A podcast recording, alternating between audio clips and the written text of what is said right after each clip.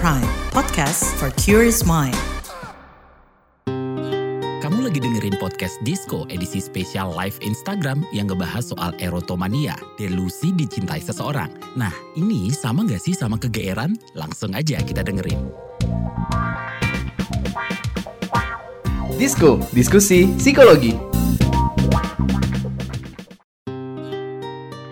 By the way, Warrior, selamat datang di live IG podcast Disco Diskusi Psikologi persembahan KBR bareng komunitas Integrate Indonesia Hapus Stigma, Peduli Sesama, Sayangi Jiwa dan spesial episode kali ini juga hasil kerjasama bareng Vivensiu.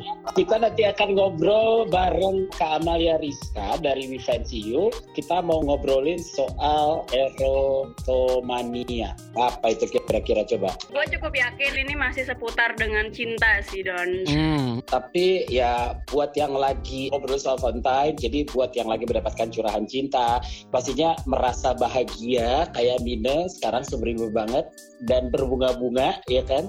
Terlebih saat lo merasa sangat dicintai atau dipuja oleh seseorang yang lo cinta. Tapi ya Mine ya, sambil kita menunggu Kak Amelia, ada yang sering bertanya begini ke gue, lo mending mencintai apa dicintai? Uh, Oke, okay. kalau gue jawab duluan, gue lebih mending gue lebih mending mencintai deh gitu ya karena walaupun hasilnya bisa dicintai balik bisa enggak tapi yang penting gue dan perasaan gue tuh tulus. Kalau gue itu lebih sedang dicintai. Oh gitu. Karena nanti cinta gue itu akan tumbuh seiring waktu. Ah lah. Hmm. karena gue tuh nggak bisa. Gue itu bukan orang yang bisa atau pinter menunjukkan perasaan suka ke seseorang pernah nggak nih kayak aduh kayak gue kegeeran aja deh gitu. Sering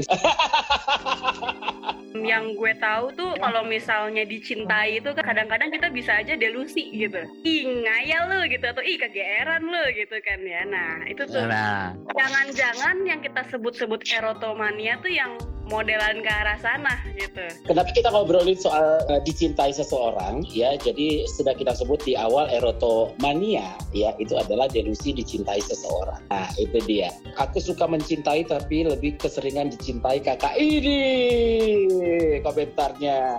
Gue prefer dicintai tapi mencintai itu ada seninya. Tergantung zodiaknya kak. Baik. Hmm. tergantung zodiak.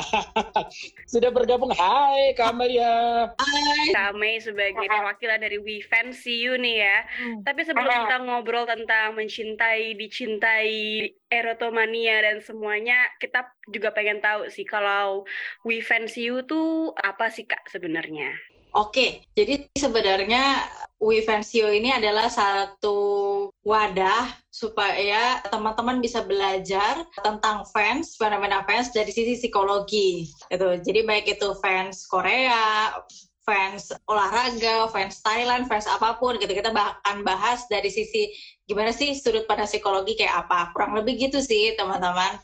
Mm -mm. Dan emang biasanya kita banyak menemukan fenomena merasa bisa mencintai atau bahkan dicintai sama uh, idol-idol kita gitu ya. Betul, itu sering banget, ya. sering banget. Mm -mm. Mungkin pengalaman ya, Mine. Nah, kali ini IG Live kita kali ini nggak hanya terbatas pada um, merasakan erotomania hmm. pada idol, pada semuanya lah ya, secara keseluruhan dan balik lagi teman-teman kalau punya pertanyaan langsung aja di kolom komentar IG Live ini ya, Don ya. Ya, betul. Jadi langsung aja ke topik kita kali ini. Sebenarnya erotomania itu apa sih? Oke, jadi erotomania itu sebenarnya di kalau di kamus Gajah Psikologi gitu. Jadi kita punya namanya DSM ya, kamu psikologi. Sebenarnya erotomania ini bagian dari delusi gitu. Delusi itu apa? Nah, delusi itu adalah keyakinan pada diri kita gitu ya, keyakinan terkait diri kita yang sebenarnya tidak nyata gitu. Nah, biasanya nih kejadian ini muncul pada orang-orang dengan gangguan tertentu, baik itu depresi, misalnya major depressive disorder, kemudian bipolar, kemudian sizotifal, sizofren gitu, itu bisa muncul. Nah, Nah, sebenarnya kan orang yang punya keyakinan ini kan punya beberapa tema ya. Misalnya ada yang tipenya dia yakin bahwa dia dicintai oleh orang lain, ada yang dia yakin bahwa dirinya dia ini mengalami penyakit tertentu, ada yang yakin bahwa punya masalah tertentu. Jadi erotomania itu spesifik delusi yang punya tema, temanya adalah dia dicintai oleh orang lain, baik itu orang yang dia kenal, orang yang gak dia kenal, artis atau siapa pun gitu. Kurang lebih gambarannya erotomania tuh kayak gitu sih. Nah, kalau gitu kak, kita kan jarang nih mendengar istilah erotomania. Sama nggak sih ini dengan yang mungkin lebih sering kita dengar kayak kegeeran gitu? Nah, ini pertanyaan bagus nih. Oh, GR itu kan lebih ke orang yang kita kenal ya. Misalnya kita disenyumin sama gebetan, atau misalnya kenapa ya dia suka ngajak aku pulang bareng, kayak gitu-gitu. Nah, tapi kalau misalnya erotomania ini lebih kepada dia merasa yakin dicintai sama orang yang bahkan dia nggak kenal gitu. Bisa jadi oh. artis bisa jadi bos di kantor yang sebenarnya nggak deket gitu. Jadi uh, sangat bisa orang-orang yang tidak berkontak sama sekali pun gitu gitu. Tapi dia yakin bahwa ya pokoknya dia cinta deh sama aku dan dia punya usaha untuk bisa mengejar atau berkontak dengan orang ini bahkan cemburuan gitu. Padahal sebenarnya orang itu bukan milik kita gitu jadi se, se ekstrim itu dan bahkan dia bisa tiap hari ngomongin orang itu misalnya. Dan itu durasinya kurang lebih minimal satu bulan gitu. Dia mengejar menghabiskan waktu stalking itu sampai mengganggu kehidupan sehari-hari lah kurang lebih. Jadi beda banget deh sama GR beda beda. Kalau gue emang GR suka GR gitu. Tapi tapi kami wajar hmm. nggak hmm. kalau seseorang itu mengalaminya? Batasnya itu sampai mana? Oke, jadi sebetulnya erotomania ini kan agak spesial ya gitu. Jadi kalau kita lihat secara psikologis gimana kita lihat orang itu oke okay atau enggak gitu. Biasanya kita lihat dari keberfungsiannya, taraf keberfungsian tuh misalnya kita lihat seberapa mengganggu sih dia ke kehidupan sehari-hari gitu. Biasanya orang dengan erotomania tuh menghabiskan waktu untuk stalking, untuk uh, kirimin surat, bahkan dia ngebelain misalnya idolanya itu di penjara dia bisa kirim surat ke pemerintah. Jadi uh, sangat apa ya menyita waktu dan kehidupan sehari-hari, bahkan kehidupan sosial dan kehidupan pernikahan gitu. Jadi bisa dibilang kalau batasnya masih GR atau masih kita kayaknya dia suka deh sama kita. Sifatnya cuman ya sesekali kita masa GR kita masih bisa beraktivitas sehari-hari itu oke okay banget. Tapi sampai kita yakin sama orang yang sebenarnya nggak nggak kenal nggak nyata dan terus menerus itu pasti udah di luar batas ya. Misalnya pas ngeganggu gitu. Mm -mm. gitu. Diperhatiin dikit. Dia cinta dia sama gue. Ditanya udah makan apa belum? Ya dia hmm. cinta dia baru iya ya kayak gitu kurang lebih. Itu nyambung ke pertanyaan aku juga nih Kak Ame. Kayak hmm. tapi sebelum aku nanya aku jadi punya dua pertanyaan sih. Yang pertama lebih ke perasaan delusi dicintai atau mencintai pun juga termasuk erotomania nih. Tadi kan kita kayak ya dicintai itu kan kayak pasif ya kesannya orang lain yang suka atau ya cinta sama kita. Tapi kalau hmm. kitanya yang kayak Do, kamu ganteng banget gitu. Aku yang cinta, apakah itu termasuk erotomania juga atau enggak nih kak? Sebetulnya karakteristik erotomania ini dicintai sih. Walaupun memang ada biasanya ada perasaan timbal balik ya. Walau kita ngerasa dicintai, kita juga pengen ngebales gitu. Kayak kesannya kayak misalnya diperhatiin dikit, ya bawaannya kayak merespon. Jadi orang ini bukan cuma ngerasa dia dicintai, tapi dia merespon dengan misalnya oh dia benar nih suka sama aku ya dia stalking lah dia kirim surat jadi sebenarnya poin penting dari diagnosisnya adalah dia merasa dicintai walaupun memang respon dari keyakinan itu adalah dia mencintai gitu mencintai dengan bentuk kirim surat stalking cemburuan dan sebagainya sih ha -ha. Berarti ini pertanyaan kedua aku. Hmm. Kalau misalnya nih aku naksir sama orang hmm. gitu ya, aku nggak akan sebut ah kayaknya orangnya di sini deh. C gitu. salah mengartikan sinyal gitu ya. Misalnya hmm. disenyumin aja, tadi disenyumin balik aja, hmm. kayak ngerasa wah jangan-jangan dia juga suka aku nih gitu okay. ya. Oke. Okay. Termasuk erotomania juga atau masih belum nih kalau begitu kondisinya? Hmm. Nah, biasanya tuh kita bisa cek apakah kita kenal atau enggak sih sama orang itu. Jadi kalau misalnya kita sebatas misalnya kita GR tapi misalnya sama teman sekelas, senior atau teman kerja yang se sepantaran lah, semeja itu sebenarnya bisa jadi memang dia melakukan kontak tertentu dengan kita yang membuat kita GR. Jadi misalnya kita papasan dia senyum atau misalnya dia suka ngajak pulang bareng, ngajak makan bareng terus dibayarin gitu kan jadi curiga ya. Gitu. Jadi kalau erotomania tuh biasanya dia di level orang-orang yang memang bahkan dia nggak kenal gitu dan dia udah dikasih tahu pun misalnya kayak nggak mungkin lah misalnya itu kan jauh banget itu kan idol kamu di Korea misalnya gitu dia tetap tidak apa ya mungkin dia tahu realitanya seperti itu tapi tidak bisa mengubah keyakinan dia sih bahwa sebenarnya tuh nggak nggak dia nggak suka sama aku gitu jadi di level itu kalau GR dan mungkin juga yang ngebedain adalah ketika kita cinta sama orang kan mungkin seiring perjalanan waktu kita bisa lebih mudah move on ya. Kalau orang erotomania juga susah banget lepas nih ketika dia punya keyakinan tuh kayak pokoknya orang ngomong apa gue ya udahlah gitu, gue akan kejar kayak gitu. Mm -mm. Kebayang ya, susah. Kenapa ya Kak Ame hmm. erotomania itu bisa terjadi pada seseorang? Penyebabnya apa sih? Hmm. Sebenarnya tuh masih dalam penelitian ya. Hmm. Nah, cuman biasanya tuh prevalensinya muncul di perempuan gitu. Dan walaupun bisa sih di laki-laki dan biasanya muncul di era remaja walaupun menetapnya di usia-usia dewasa lah. Kalau misalnya dilihat apa sih yang kira-kira orang-orang dengan karakteristik apa sih yang berpotensi untuk menjadi erotomania? Tuh uh, bisa jadi dia dia memang mengalami isolasi sosial gitu. Jadi dia kurang paham cues atau tanda-tanda sosial bahwa orang cinta tuh contohnya gini loh, orang sayang tuh contohnya gini loh, karena misalnya dia sering dikurung, sering dibully, diasingkan, misalnya kayak gitu, itu bisa. Atau dia menerima berbagai penolakan gitu dalam hidup, jadi dia nggak bisa terima kalau misalnya idolanya dia nggak cinta sama dia gitu. Terus bisa jadi juga uh, ada apa ya pola asuh, misalnya atau faktor tertentu yang membuat dia nggak bisa legowo untuk menerima kata tidak, misalnya gitu. Atau bisa juga faktor-faktor stres sih, misalnya baru saja kehilangan orang itu kan membuat kita kayak kehilangan sosok yang powerful ya kayak sahabat gitu misalnya. Nah uh, mungkin sosok kita melihat idol terus masa dicintai itu kita kayak punya rasa bergantung sih sama orang bahwa orang yang cinta sama gue itu udah pergi udah meninggal misalnya sekarang gue orang yang cinta sama gue itu idol jadi gue hidup gue ya hanya buat si idol kayak gitu sih bisa faktor-faktor itulah kurang lebih yang aku pernah baca di literatur menjelaskan karena memang mencintai atau ya bisa mengalami perasaan disayang mm -hmm. itu menyenangkan ya kayak Betul. sempat dibahas sedikit dari Kak Ame kalau hmm. ini ada dalam bahasan kitab psikologi atau DSM hmm. gitu ya.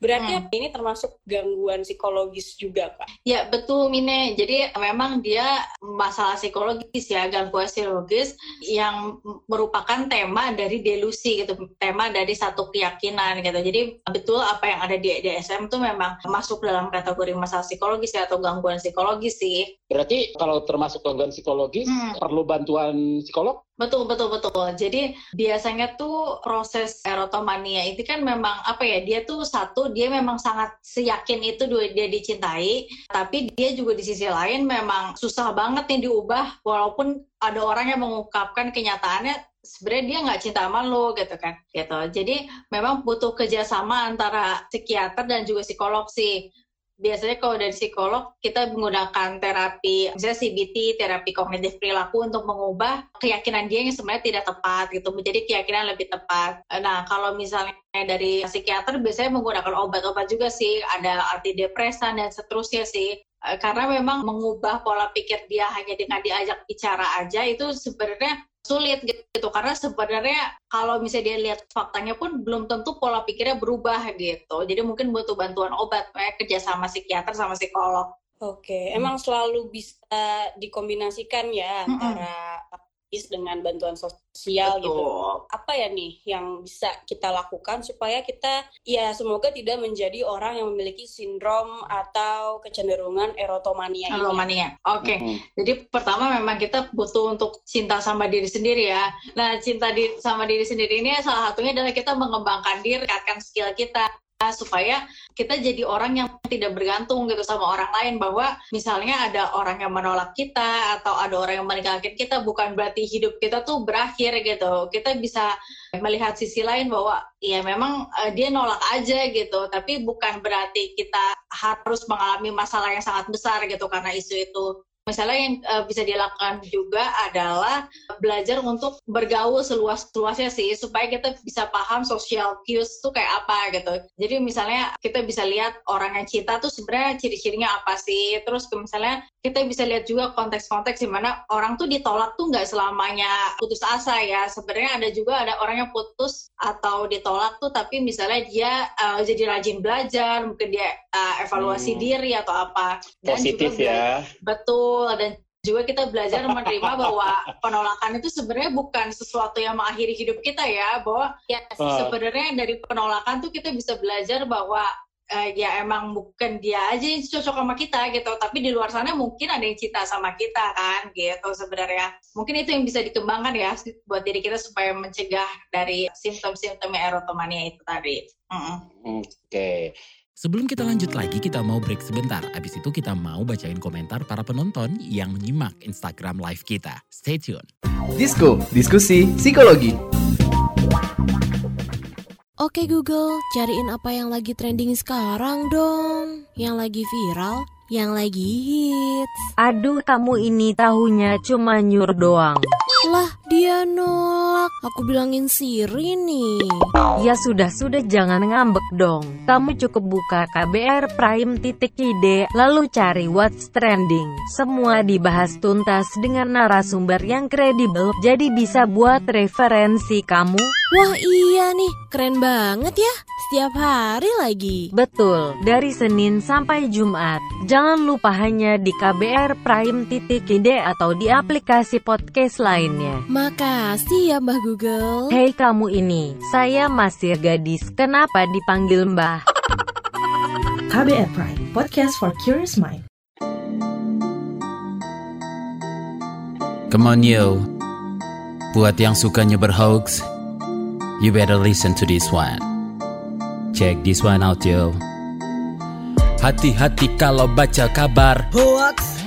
Jangan langsung disebar kabar yang hoax. Kalau mau tahu kabar benar atau hoax, dengerin cek fakta yang pasti bukan hoax. Dengerinnya setiap Senin yang jelas bukan hoax. Cuma ada di kbrprime.id dan aplikasi podcast lainnya. Hoax. Sudah cukup cukup hoaxnya? Hoax. Cukup. Jaga emosi, tahan jari, verifikasi sebelum dibagi. Saya Aribo Sasmito, Ketua Komite Pemeriksa Fakta Mafindo. KBR Prime, podcast for curious mind. Disko, diskusi psikologi. Jadi kita mau bacain beberapa komentar juga. Oke, ini boleh, boleh, boleh. Kak Ame mm-hmm. dari, dari ini nih. Kak, gimana kalau halu ini jadi semangat buat menjalani kehidupan yang penat ini. Nah, setuju sih kami. Kadang kan kita butuh semangat okay. biar kayak ada apa sih bunga-bunga oh. gitu loh, pemantik. Ada yang mencintai gue gitu. Jadi kita selalu kasih simpelnya gini ya, ya. Kita jadi selalu pengen berpenampilan menarik setiap hari karena kita okay. tahu ada orang yang suka atau mencintai kita gitu. Hmm. Kalau nggak ada, ya udah kita sebelum aja gitu. Okay. Kak Ami. Uh. Ya, sebetulnya sih kita bisa lihat di taraf bahwa menjadi misalnya kita jadi berpenampilan lebih menarik gitu zaman sekolah misalnya pengen yeah, dilihat yeah, senior yeah. dong gitu kita pengen uh, jadi siswi yang menonjol dong yang populer dong nah, gimana ceritanya gitu. Nah, nah, nah, nah itu sebenarnya boleh aja gitu jadi motivasi tapi pada akhirnya kan motivasi itu harus tumbuh dari diri sendiri karena ya mungkin itu pemantik tapi karena pada akhirnya kita membahagiakan orang lain tuh nggak ada puasnya gitu. Karena ketika kita berpatokan sama orang lain gitu misalnya kita pengen pengen orang itu tertarik gitu apakah nantinya ternyata orang itu tertariknya sama orang lain? Bisa jadi kita jadi harapannya nggak tercapai kita kecewa gitu. Mungkin jadi pemantik boleh tapi kita juga boleh harus dari dalam diri kita punya motivasi internal. Misalnya kayak oh ya oke okay, memang saya pengen penampilan menarik dari lirik orang tapi hmm. sisi lain karena kan enak ya kalau dilirik orang saya dapat kesempatan kerja atau saya dilirik saya bisa dapat tambahan apa ke tambahan kerjaan dari guru penghasilan atau kesempatan untuk tampil di kelas atau apa gitu. Jadi uh, bisa jalan berbarengan tuh itu. Jadi jangan ketinggian si apa namanya harapan sama orang lainnya gitu Ya, mudah-mudahan menjawab ya Mas Don yang suka halu ya. Ini ada lagi nih, penyanyi favorit kalau punya lagu baru soal cita-citaan juga penggemarnya suka mikir nih lagu buat mereka sampai segitunya ya kami ya. Iya ya, sebenarnya kan kalau penyanyi kan memang atau pemain film atau apa pun ya penulis kan sebenarnya membuat karya buat fans ya. Relate. Iya. Gitu sama hidupnya langsung betul.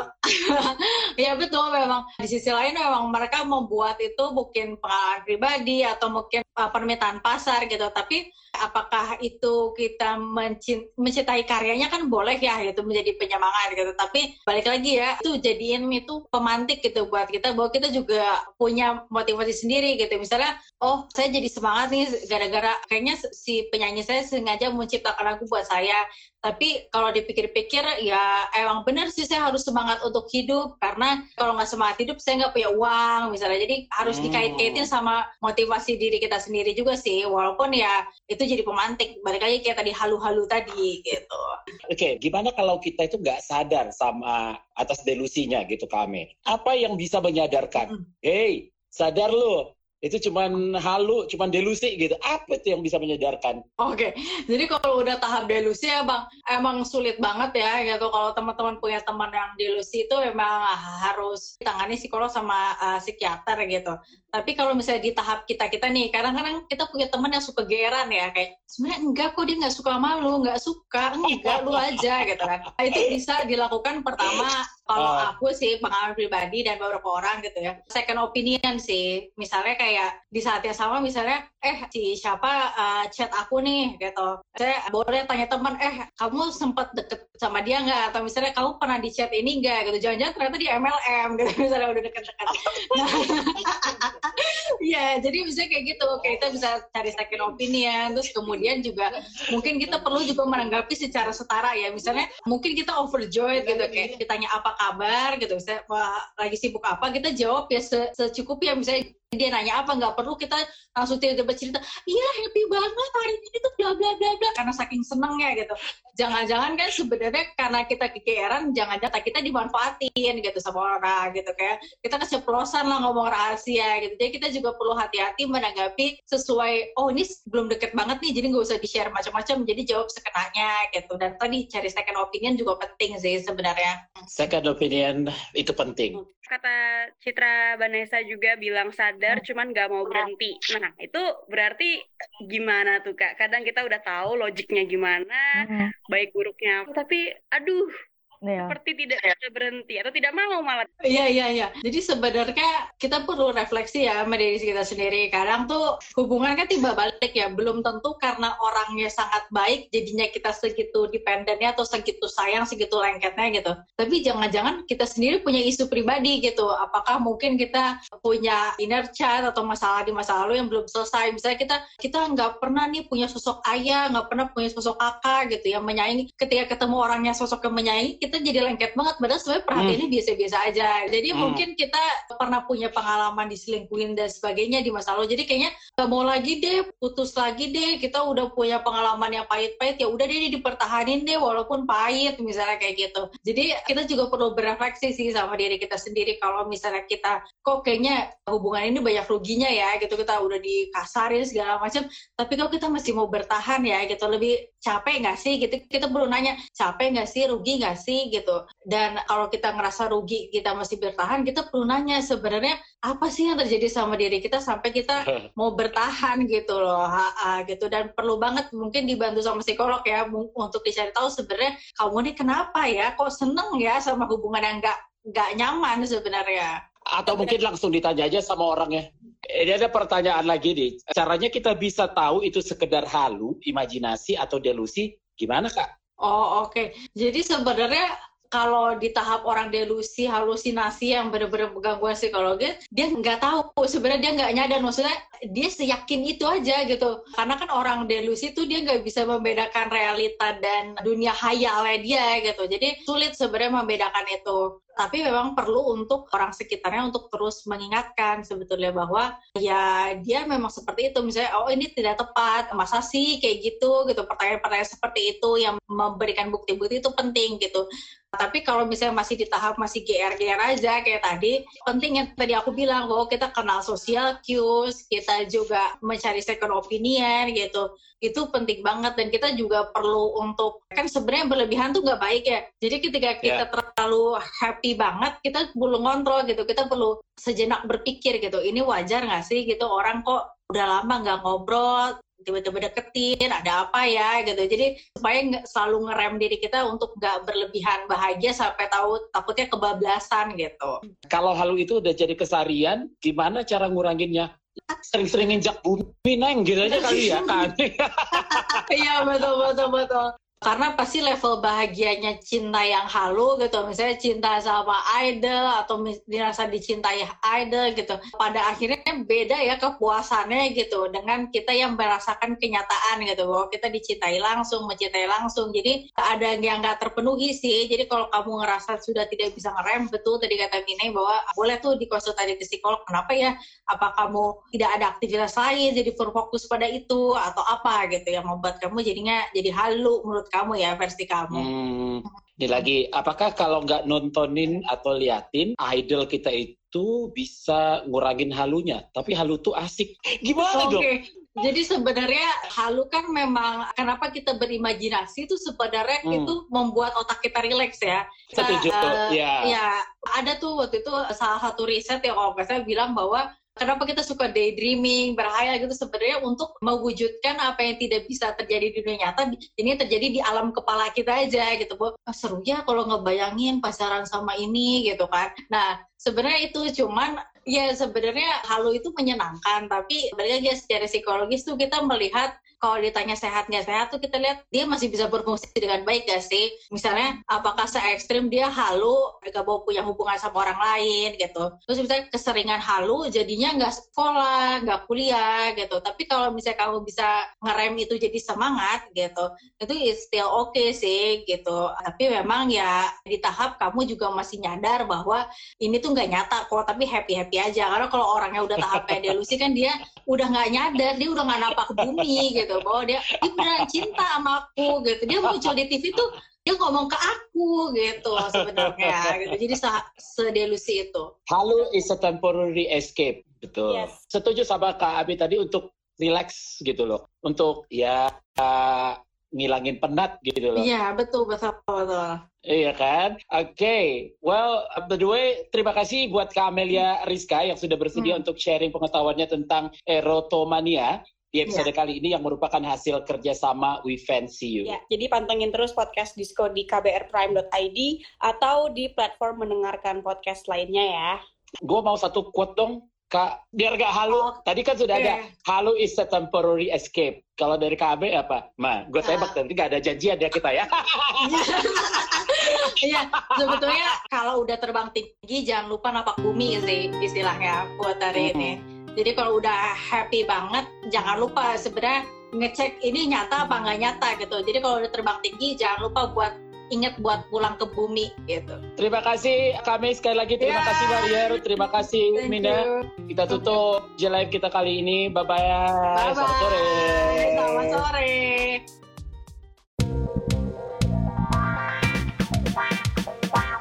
Disko, diskusi psikologi.